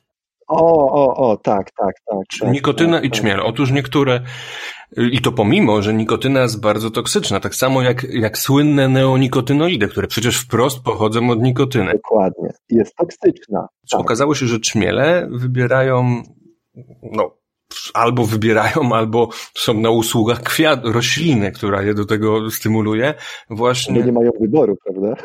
Tak, tak, no nektar, e, nie, ale też, że preferują. Nie, było stwierdzone, że preferują nektar właśnie Mhm, z małą dawką mhm. nikotyny, która no, troszeczkę powoduje, że są bardziej rozle- rozleniwione, jeśli chodzi o funkcje y, robocze, które spełniają w gnieździe. Ale i to już było raczej jako duża hipoteza, nawet nie, nie wzmocniona chyba, że mm, była sugestia, że być może te, które tak robią, się lepiej oczyszczają z pasożytów, Mhm. jakichś takich mniejszych stworzonych typu roztocza, które są pewnie bardziej wrażliwe na te pestycydy naturalne, tak?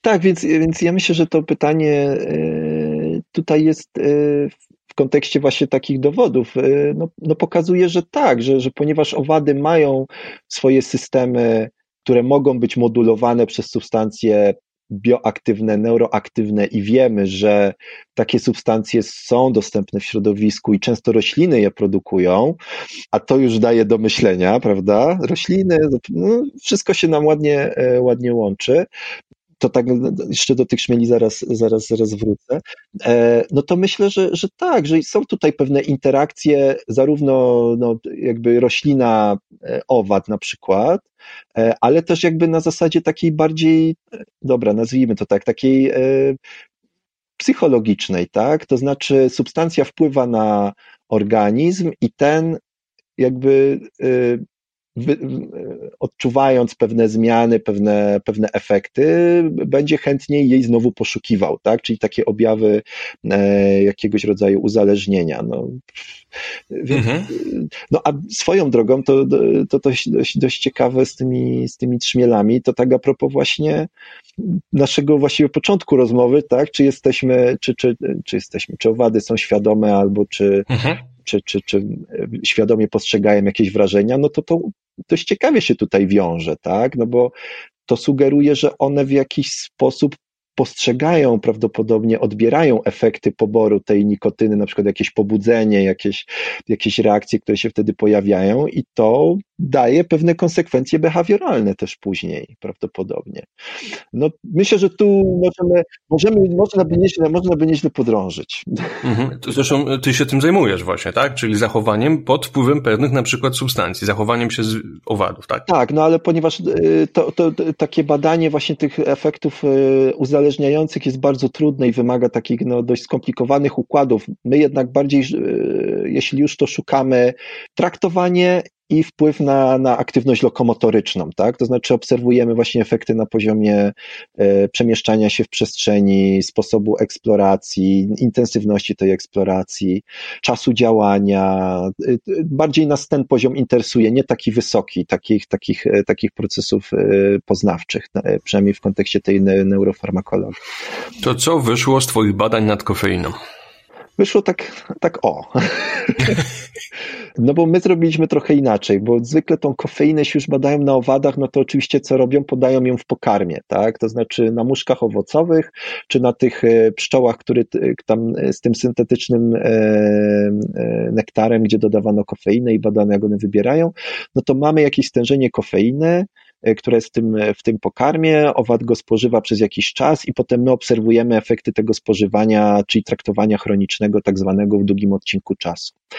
A my, ponieważ mieliśmy te owady, nasze świerszcze, które są dość duże, to uznaliśmy, że zrobimy coś innego. To znaczy, chcieliśmy zobaczyć, jak w takim razie na owady na poziomie lokomotorycznym zadziała iniekcja, to znaczy zastrzyk z danej dawki w jakimś krótkim odcinku czasu. I nas to bardziej interesowało. I tutaj wyszło tak, no, nieszczególnie, bo dość, dość, dość, znaczy, zastanawiająco, może zaskakująco, może nie, no bo tej stymulacji żeśmy za bardzo nie widzieli. To znaczy, albo nie było efektu, czyli owad się poruszał w pewnych dawkach, w zakresie dawek, tak jakby było, tak jak owad kontrolny, czyli niekowany samym medium, albo po prostu pojawiało się hamowanie. Czyli wchodziliśmy już w wysokie dawki, które, które prawdopodobnie wchodziły już gdzieś w zakres być może efektów toksycznych i obserwowaliśmy już hamowanie. Tej stymulacji żeśmy nie zaobserwowali co w samo w sobie też jest no, jakimś tam wynikiem, ale jakby nie, nie, znaczy nie, nie uzyskaliśmy oczekiwanego efektu, może tak. Pytanie, czy ta kofeina w ogóle te owady stymuluje, e, bo takie jakby jest założenie, tak, że, że aktywność lokomotoryczna i stymulacja. Jest taka jedna praca na pszczołach i uczeniu, na pszczole miodnej, e, jeżeli już e, mam być precyzyjny, gdzie, one, gdzie oni pokazali, że rzeczywiście pszczoły troszkę lepiej się uczyły, bo miały zgadywać jakby wejście do, do, do, do korytarza zależnie od wzoru, wzoru, który był przy wejściu, lepiej się uczyły, ale dwa, e, więcej lotów też odbywały, to znaczy były bardziej aktywne, tak? to znaczy przemierzały więcej tras w tym samym czasie. E, natomiast na muszce owocowej muszę przyznać, jak analizuję te wyniki, to ja tam nie widzę stymulacji. Ja u muszki owocowej widzę e, nie tyle stymulacji aktywności, co raczej przesunięcie jej aktywności w w cyklu dobowym. To znaczy okazuje się, że one tam, gdzie nie powinny być już aktywne, to znaczy w nocy, bo muszki są typowo dziennymi owadami, są aktywne. Ale trudno mi jest powiedzieć, żeby one więcej łaziły po tej kofeinie. Tak, więc, e, więc my może gdzieś tam wrócimy jeszcze do tego projektu, bo nam się tutaj parę rzeczy zaczyna też jakby zgrywać i ta, ta, ten projekt z kofeiną jest całkiem fajny e, i może gdzieś tam to po, po, po, pociągniemy dalej. Natomiast tak jak mówię, tego takiego zakładanego efektu, że podamy kofeinę, ona będzie, te owady będą więcej chodzić, nie zaobserwowaliśmy. Co też sobie jest, jest, jest ciekawą konkluzją, bo prawdopodobnie świerszcze mogą być po prostu na tą kofeinę bardzo wrażliwe e, i te receptory, z którymi kofeina się łączy, mogą być bardzo wrażliwe na ten, na ten związek, więc bardzo szybko wchodzimy w dawki e, toksyczne po prostu. Mhm. Zwłaszcza, że kofeina kiedyś była używana jako pestycyd środek ochrony na, w rolnictwie i zaprzestano jej ze względu na wysoką toksyczność, niską selektywność tego, tak, co kojarzę. Tak, tak. No na przykład te e, przetworzone nasiona rozsypywano na przykład po, po polach, bo, bo tam w tych osłonach e, też, też dużo tej kofeiny jest. No ale tak, ona jest niewybiórcza, nieselektywna, e, działa na, co jest co jest problemem kofeiny, to jest to, że działa na wiele różnych e, mechanizmów. To, to ona nie jest specyficzna, jak na przykład niektóre pestycydy, czy powiedzmy sobie narkotyki, które często łączą się z bardzo precyzyjnie jednym typem receptora, tylko badania pokazują, że kofeina łączy się z paroma różnymi rzeczami e, i to jakby utrudnia też jej badanie e, i, i jakby interpretowanie tego efektu, który ona wywołuje. Uh-huh, uh-huh.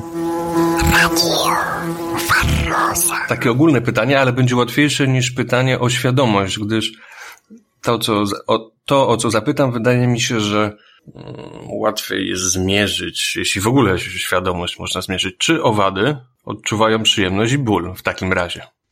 No, myślę, że to jest równie trudne pytanie jak na świat, bo jeżeli, no czy odczuwają? Myślę, że można powiedzieć, że odczuwają, że, że mają e, receptory bólowe, mają receptory uszkodzenia powłok ciała, no, jakby dobijamy do tego, co to znaczy odczuwać ból świadomie, tak? Czy... Nie, na razie pytam ogólnie o ból. Wiesz, bo spotkałem się z takimi informacjami, nie wiem skąd wziętymi w internecie, w których jest dużo różnych bzdur, jak wiadomo, że owady, w tym pszczoły, no nie odczuwają w ogóle bólu. Ale to niczym nie było potwierdzone. Więc... Można, można potraktować tą informację na zasadzie nie odczuwają bólu świadomie, tak? To znaczy nie przetwarzają go na przykład w taki sposób jak my. Ale to, co wiemy o systemach biologicznych, co wiemy o organizmach, to, że one mają receptory odpowiedzialne za, tak jak powiedziałem już, bo nie chcę, nie chcę się tu powtarzać, ale właśnie za różnego rodzaju negatywne bodźce, tak? No sugeruje, że one na tym, chociażby nawet jeżeli już nie wchodzimy w tą świadomość, ale na tym poziomie recepcyjnym mają tą informację bólową, tak? Układ biologiczny czy układ nerwowy wie, że dzieje się coś, coś niedobrego, co doprowadziło do. Na przykład uszkodzenia ciała, tak? Uszkodzenia ciała albo na przykład wysoka temperatura, jako taki jeden z takich bodźców negatywnych, tak? Że, że no, jeżeli damy owada na, na gorącą płytę, to on będzie jej unikał, tak? Bo bardzo gorąco. No nie wiadomo, zresztą bardzo bym się zdziwił, gdyby... Gdyby nie miał takiej reakcji, prawda? Tak, gdyby nie miał, no bo to jakby jest dosyć niezbędne do przeżycia, prawda, więc... No i trudno tu powiedzieć, że on jej unika dlatego, że ona jest bardzo, bardzo gorąca, a nie dlatego, że wywołuje wrażenia bólowe ten, ten, ten bardzo intensywny bodziec. Czyli nie mamy dowodów na to, że y, świadomie odczuwają ból, czyli powiedzmy innymi słowami cierpią na przykład, tak? I odczuwają tak duży dyskomfort, że moglibyśmy powiedzieć, że cierpią. Nie można tak powiedzieć, nie wiadomo. No, nie wiemy, no nie wiemy tego. No, nam jest trochę lepiej, łatwiej myśleć, że nie mają tego, tak? Ja tak, ja tak utnę tę rozmowę. Okay. Nam, jest, nam jest łatwiej myśleć, że tam się nic takiego nie dzieje, jak w naszych głowach, kiedy nam się dzieje coś, coś niedobrego. Trudne temat. Jasne. A właśnie, a, bo na przykład pszczoła, no to takich żadnych dźwięków, no przynajmniej nie, dla pszczelarza niesłyszalnych to nie wydaje, jak się no tam e, niechcący zgniecie, czy, czy, czy, czy, czy wymienia się matkę pszczelą, czyli zabija się starą, natomiast pewnie są, jest dużo innych owadów, które wydają dźwięki, prawda, różne specyficzne. Mamy karaczany madagaskarskie, które syczą, w sensie wydmuchują pod dużym ciśnieniem powietrze ze swojego odwłoka i wtedy powstaje dźwięk takiego syku bardzo głośnego. No i kiedy, jeśli, kiedy coś im się tam robi niedobrego, kiedy chce je się złapać na przykład, no to one syczą bardzo, bardzo zdecydowanie, wyrażając swoje niezadowolenie z zaistniałej sytuacji, tak.